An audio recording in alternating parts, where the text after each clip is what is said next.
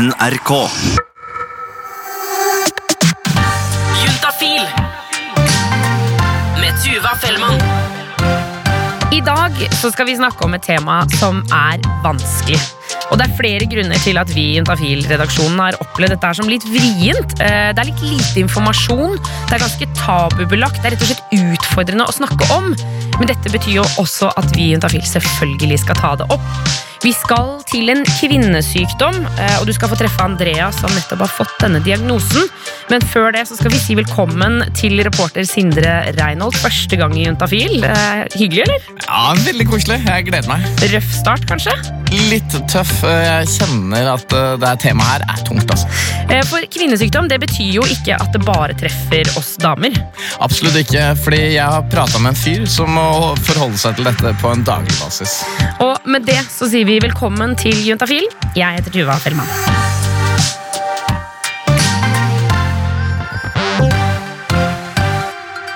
Jeg vil helst ikke få det til å virke som at det er menssmerter, fordi det er mange som tenker at endometriose det er sikkert bare en veldig sterk mensen.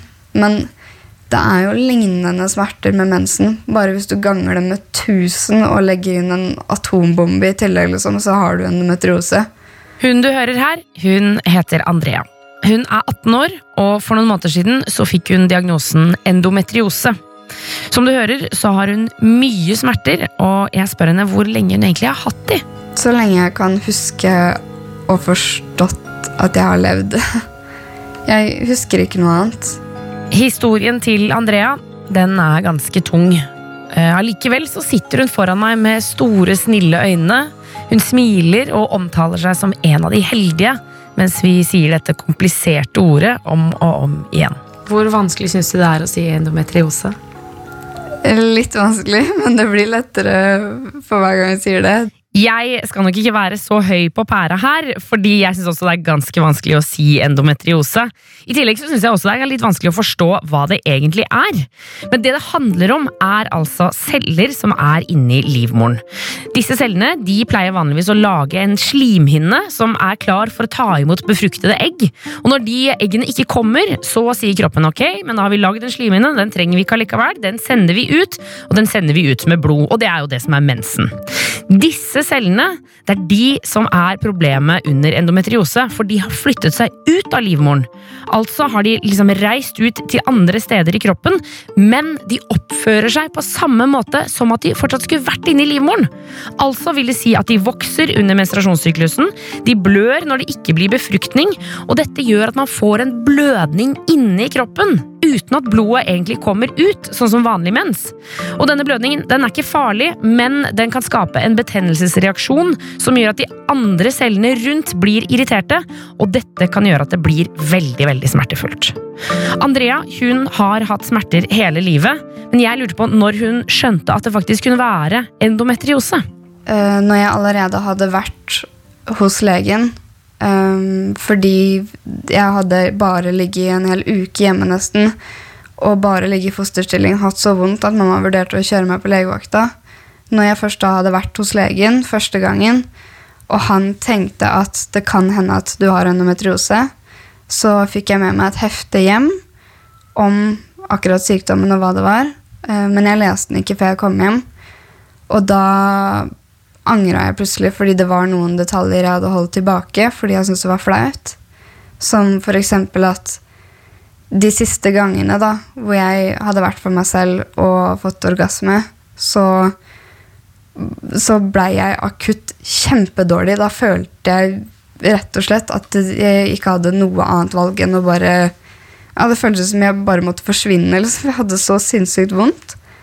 Og da så jeg på det heftet da, hvor han hadde gitt meg, og der sto det også at man kunne ha så sterke eh, spenninger i bekkenmuskulaturen at man kunne få vondt av eh, veldig stor påkjenning da, på bekkenmuskulaturen. Og det er jo mye i sammenheng med hvis du skal få orgasme eller blir veldig aktiv da, eller anspenner deg veldig mye over én ting, så kan det bli så vondt og hardt at, at det blir for mye, rett og slett. Og da følte jeg at jeg bare, hele meg bare kobla ut. Jeg greide ikke å tenke noen ting. Og da Først så var det nesten så jeg følte at jeg bare ramla ned på gulvet. liksom. Ble liggende på gulvet i sikkert ti minutter.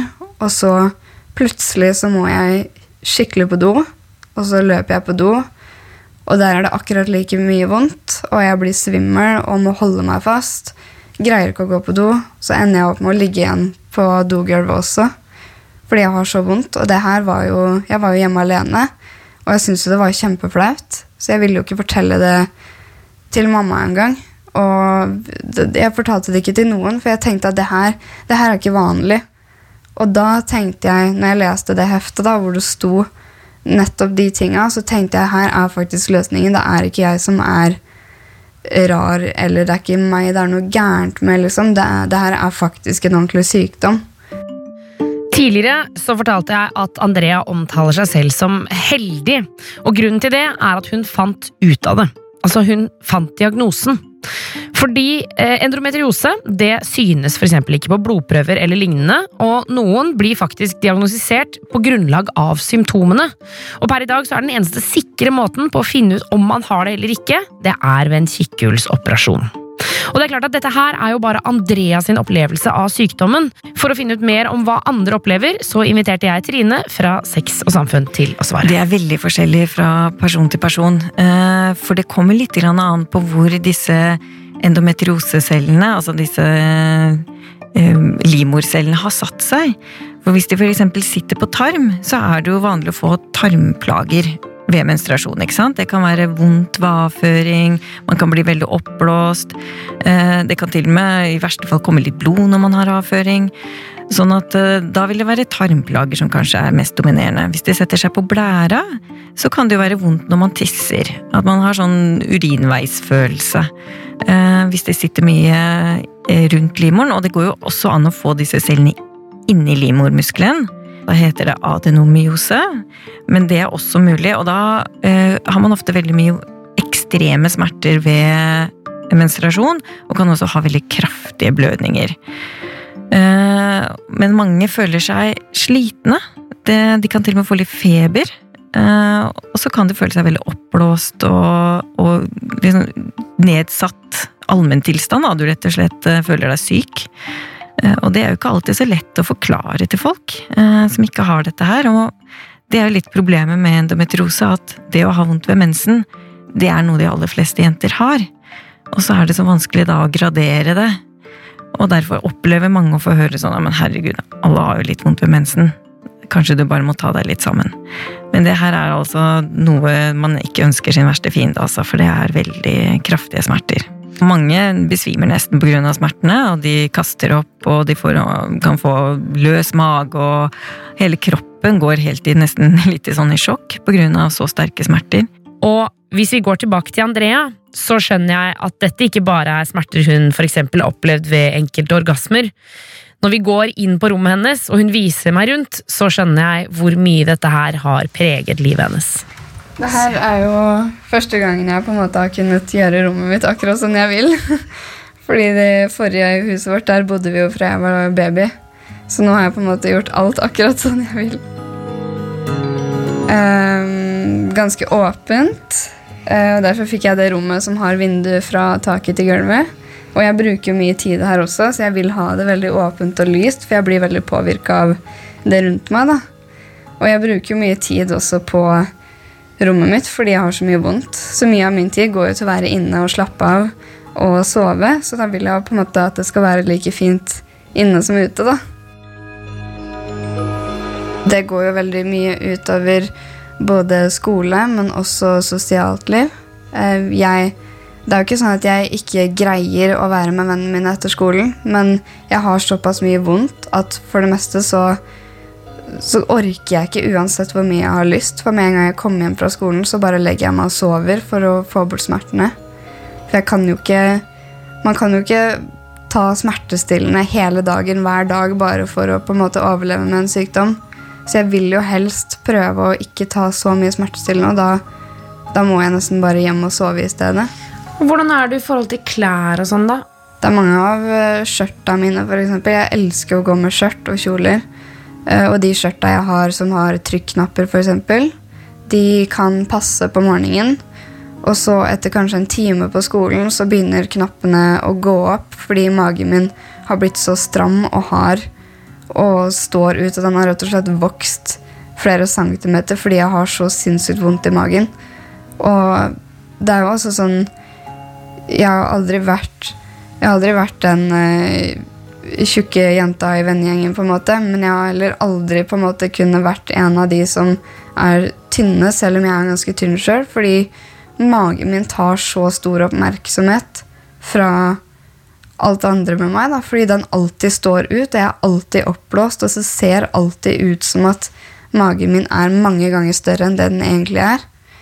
Så jeg får jo ikke så veldig lyst til å gå i bikini om sommeren, for magen min står rett ut.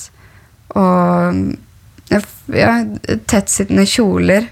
Det er jo ikke noe fint på meg, det heller. Man ser det jo hele tiden. Jeg ser det jo på bilder av meg sjøl at magen min står jo ut uansett hva jeg har på meg, nesten.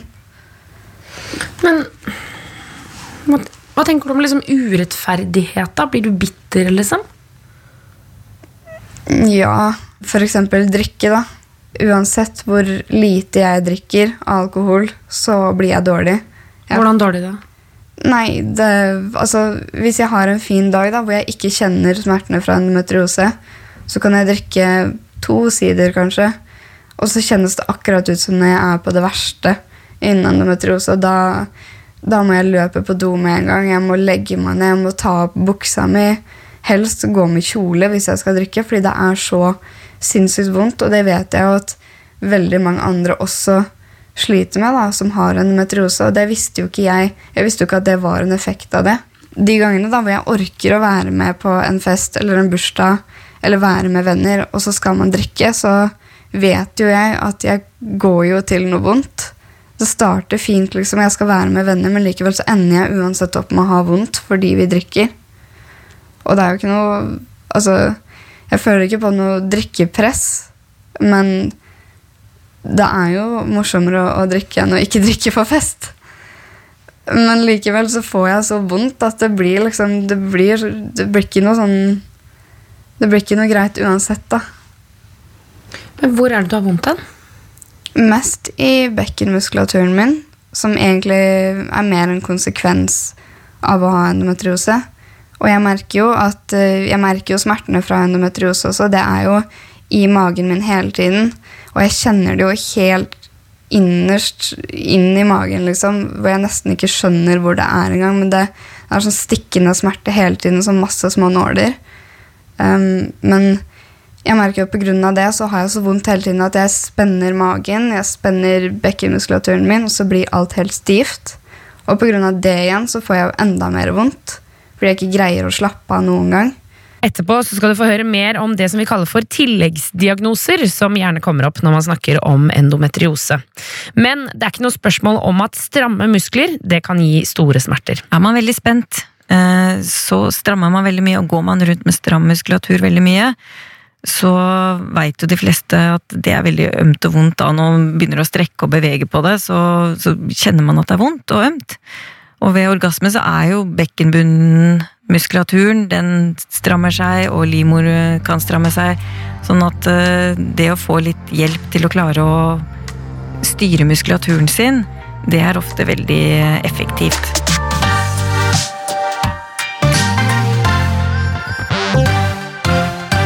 Vi skal snakke litt om behandling eh, litt seinere, men før det, eh, reporter Sindre, du sa jo at det kanskje var en litt tung start med dette temaet, men hadde du i det hele tatt hørt om endometriose før? Jeg var ikke klar over hva endometriose var i det hele tatt. Du sliter fortsatt litt med å si det. Ja, jeg gjør det. Endometriose. Uh, og jeg husker første gang da du nevnte for meg, så tenkte jeg sånn hm, eh, Skal jeg fake det her nå for å gjøre et godt førsteinntrykk? Oh, ja, sånn type liksom google under bordet-aktig? Ja, jeg tenkte det kunne vært lurt, eh, men eh, magefølelsen min rundt dette vriene ordet gjorde at jeg tenkte dette er innvikla greier, og det er det jo. Ja, i aller høyeste grad. Så nå har jeg jo prøvd å lese meg opp, og jeg må ærlig innrømme at eh, mye av kvinners anatomi er ganske gresk for meg. Så du har mye igjen å lære, liksom? Ja, ja det har jeg. Eh, Men jeg trenger jo ikke å være noe geni for å forstå at dette gjør utrolig vondt. Derfor lurte jeg på hvordan det er å være sammen med en person med endometriose. Ja. Så jeg slo av en prat med en kar som eh, tilfeldigvis også heter Sindre. Og så det er to Sindrer. Ja, Så ikke bli forvirra. Eh, men han hadde akkurat møtt drømmedama da han fant ut hva det her var. Sex gikk fint de første gangene, men det tror jeg egentlig kanskje var fordi hun ikke turte å si fra om det så tidlig. Men jeg merka jo egentlig veldig fort at det kunne være ganske ubehagelig for henne. Sindre er 27 år, og jeg har fått muligheten til å besøke han i leiligheten han bor i sammen med kjæresten sin og deres lille, gråe, fluffy kanin. Sindre og kjæresten har vært sammen i halvannet år, og før han møtte henne, hadde han aldri hørt om endometriose. Men husker det var noe som kom opp ganske tidlig, at hun sleit med endometriose. Jeg hadde aldri, aldri hørt det. Så vi snakka en del om hva hun, hvordan hun opplevde at eh, det var som. Og så når hun dro hjem igjen, så satte vi egentlig bare ned og googla. Etter å ha scrollet seg gjennom utallige artikler på Lommelegen, Kvinneguiden og andre nettsteder, følte Sindre at han ikke ble noe særlig klokere. Jeg så at eh, det satt ganske langt inne for henne å fortelle om det. Eh, Og hvorfor det er sånn, det er jeg ikke sikker på. Men jeg har fått litt inntrykk av at det går litt på Ja, det er litt tabubelagt, egentlig. da. Men altså, jeg syns jo det var veldig behagelig at hun kunne si ifra om det. Og at vi kunne snakke om det, så jeg kunne vite mer og bli bedre kjent med, med hennes utfordringer. Min eneste bekymring var egentlig hun sin side av saken. da. Om det er så masse vondt, hvor kjipt er det for henne. Men eksempel om vi bare sitter i sofaen og ser på en serie eller en film, eller noe sånt, så plutselig bare ser jeg at hun knyter seg sammen i smerte. Og hun bare ligger og vrir seg fordi hun har så sjukt vondt. Eh, og det er ja, skikkelig kjipt å se på, altså. Bare tenk deg det, da. At kjæresten din ruller seg rundt i smerte, og dette er noe som skjer ofte. I tillegg er det lite han får gjort for å lindre ubehaget til jenta han er glad i. Man har jo ikke noe man kan gjøre i det hele tatt. da. Så liksom det eneste som funker, er å ja, være kjærlig, spørre om det går bra, holde rundt og gi en klem. Bare snakke med henne, egentlig. da. Um, men bortsett fra det så er det lite som, som fungerer, altså. Du vet, de gangene du møter en person som snakker om kjæresten sin og virkelig er forelska. Slik er det å stirre inn i de krystallblå øynene til Sindre mens han forklarer meg om kjæresten sin. Derfor treffer det ekstra hardt når han forteller hvordan endometriosen rammer en av bærebjelkene i forholdet. Eh, jeg merker at ja, det går utover sexlivet vårt fordi vi kan ikke ha det så ofte fordi det er masse vondt. Vi har prøvd litt uh, ulike ting, så vi har liksom begynt å, å finne litt av hvilke stillinger som, som funker bedre enn andre. Eh, men vi har definitivt en lang vei å gå der. Det er fortsatt litt prøving og, og feiling. på en måte. Det har jo skjedd at vi har eh, sex og holder på i en stilling, og så plutselig bare dytter hun meg eh, fra seg. Fordi da har det plutselig begynt å gjøre vondt, eller kommet eh, litt for langt inn, eller hva det skulle være. Og så gjør det bare veldig, veldig vondt for henne. Eh, og da tar vi av og til en liten pause, eller så må vi bare avbryte med en gang, egentlig. Selv om de prøver å ha sex når det passer, er ikke det så lett. Hver måned varierer, og det gjør også dag til dag. Noen ganger har de ofte sex, mens andre ganger er smertene så intense at det kan gå flere uker imellom. Og Sindre gjør sitt ytterste på å være forståelig. Det er jo kjipt når det skjer, fordi man får jo ikke eh, ha sex som man vil. Man må gjøre en del tilpasninger. Eh, og man føler jo litt at man kanskje av og til går litt på akkord med seg sjøl.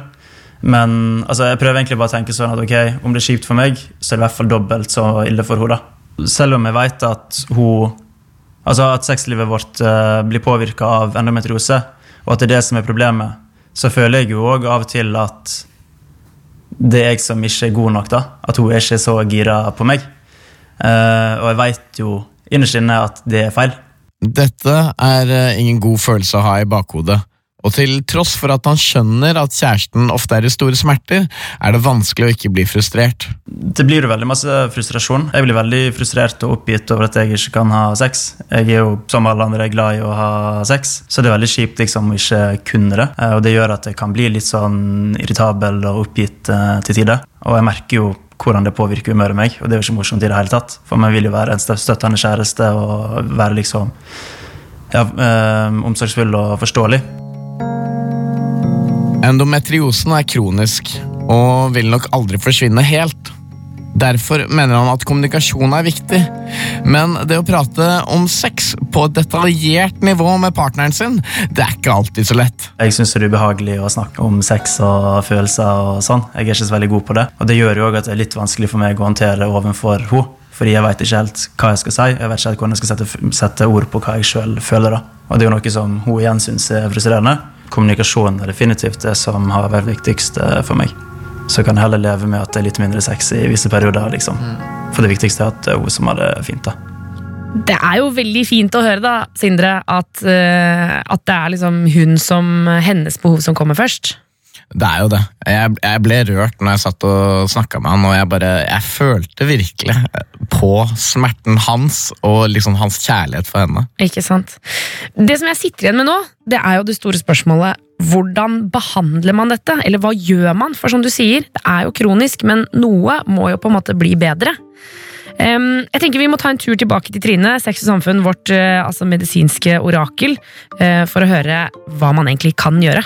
Du, eh, det varierer litt etter hvor eh, ille symptomene er. Eh, Endometriose er en kronisk sykdom, så det viktigste er å behandle så man ikke har eh, så mye vondt. Man kan enten behandle med hormonell prevensjon, som f.eks. p-piller, eller hormonspiral. Det er det mange som får. Det er også mer sånne heftige behandlinger hvor man på en måte prøver å slå ut cellene ved å liksom sette kvinnen i en sånn kunstig overgangsalder en bitte liten periode.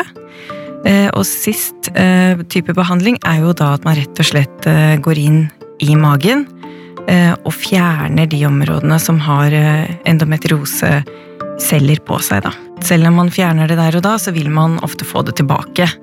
Så det er en periode hvor det kanskje er mye bedre. Noen blir veldig mye bedre etterpå, og kanskje også kvitt plagene sine. Men for mange så kommer det tilbake. Så dette betyr jo at per def så kommer ikke endometriosen til å forsvinne, men man kan jo få det mye bedre. For Andrea så startet hele denne behandlingsprosessen hos fastlegen, som sendte henne videre til gynekolog. Og etter at jeg hadde vært der, så ble vi enige om at jeg skulle sette inn en spiral i stedet for p-stav, som jeg gikk på før, for der blødde jeg altfor mye. Og den beste, eller den første behandlingen på en måte da, for endometriose er jo ikke blø. Eh, For det er jo det som på en måte skaper smerter. Så det var på en måte første steg. Eh, Og jeg satte inn spiral for noen uker siden nå, men i mellomtiden der så har jeg jo vært mye innom både em, en ernæringsfysiolog og en fysioterapeut som er spesialisert på kvinnehelse og bekkenmuskulatur. Fordi gynekologen min fant jo ut at jeg har jo ikke bare endometriose, jeg har også veldig irritabel tarm. Og det henger jo mye sammen, fordi alt, samler, alt foregår jo på en måte på samme sted da, og påvirker hverandre hele tiden. For her virker vi å være inne på noe når vi snakker om denne sykdommen. Mange bruker ordet tilleggsdiagnoser, og Trine fra Sex og Samfunn hun får i oppgave å forklare hva det er. En tilleggsdiagnose er eh, andre sykdommer man eh, ofte ser sammen med en type sykdom. Man tror jo det at en så stor påkjenning som det er å ha en kraftig eh, smerter og, og mye plager, det gjør jo noe med resten av kroppen din. Og det er jo litt viktig det, jeg tenker på det med tilleggsdiagnoser, at vi må alltid huske på at kroppen vår er én stor felles ting. Og selv om man da har vondt i en tå, så kan man faktisk da få vondt i kneet etterpå fordi man belaster foten feil, og så kan man få vondt i hoften. Altså, vi henger sammen, da. Alt. Vi er én stor kropp. Og det er jo derfor det for eksempel er naturlig for Andrea å gå til en fysioterapeut. Jeg må jo ærlig innrømme at jeg lurer jo litt på hva man gjør hos en fysioterapeut når man har sånne smerter som Andrea har. På en måte bare trykka hardt på bekkenmuskulaturen min. eh, helt til jeg greier å slappe av. da. Og i starten så var det så vondt at jeg gråt gjennom hele timen. Og mamma satt og holdt meg i hånda, for det var så veldig intenst og veldig vondt og veldig sårt. Hvor, hvor er det de trykker da, liksom? På kroppen? Nei, hun har jo Hun har på seg hansker og har hånda inni tissen min. Sånn, for det er jo på en måte en gynekologisk undersøkelse. eh, bare at det er en fysioterapeut. Og da Altså, jeg kjenner nesten ikke hvor hun trykker engang, fordi det er så ømt og vondt. Men jeg kjenner bare med en gang hun, hun trykker på de musklene, da, så blir hele rumpa mi, hele beinet, ryggen min blir bare helt sånn nummen. Som at jeg skulle vært bedøvd nesten. Og bare prikker overalt. da. Men så får jeg også beskjed om å gjøre knipeøvelser. For jeg, jeg greide jo ikke å knipe i starten. Når jeg tar urinprøver, så greier jeg ikke å stoppe. Det er bare, Jeg greier ikke å stramme så mye at det stopper, på en måte. Så jeg, jeg kan jo nesten ikke ta urinprøver. Um, og det sa jeg også til fysioterapeuten min, og så sa hun at uh, nå skal du prøve å knipe rundt uh, fingrene mine så hardt du kan, på en måte, så kjapt du kan. Og så teller hun til tre, så skal jeg holde i tre sekunder, og så sier hun nå skal du slippe så fort du kan. liksom. Og jeg Og det skjedde jo ingenting når hun sa at jeg skulle slippe. For det første så greide jeg ikke først å knipe, og det tok mange sekunder. Og når jeg skulle slippe igjen, så greide jeg ikke å slippe før det kanskje hadde gått fem sekunder. Og det er jo noe som egentlig skjer med en gang hvis man er vanlig og ikke har de plagene. Da, da skal det gå rett på og rett av, på en måte. Og sånn øh, har vi holdt på flere ganger nå. Og jeg merker jo at jo flere ganger jeg er der, jo mindre vondt har jeg de ukene etterpå. da. Og det er jo her det blir så fint med Andrea. For når jeg spør henne om hvordan hun har det nå, så blir jeg veldig glad av svaret. Nå har jeg ikke vondt lenger når jeg kommer. Ikke i det hele tatt.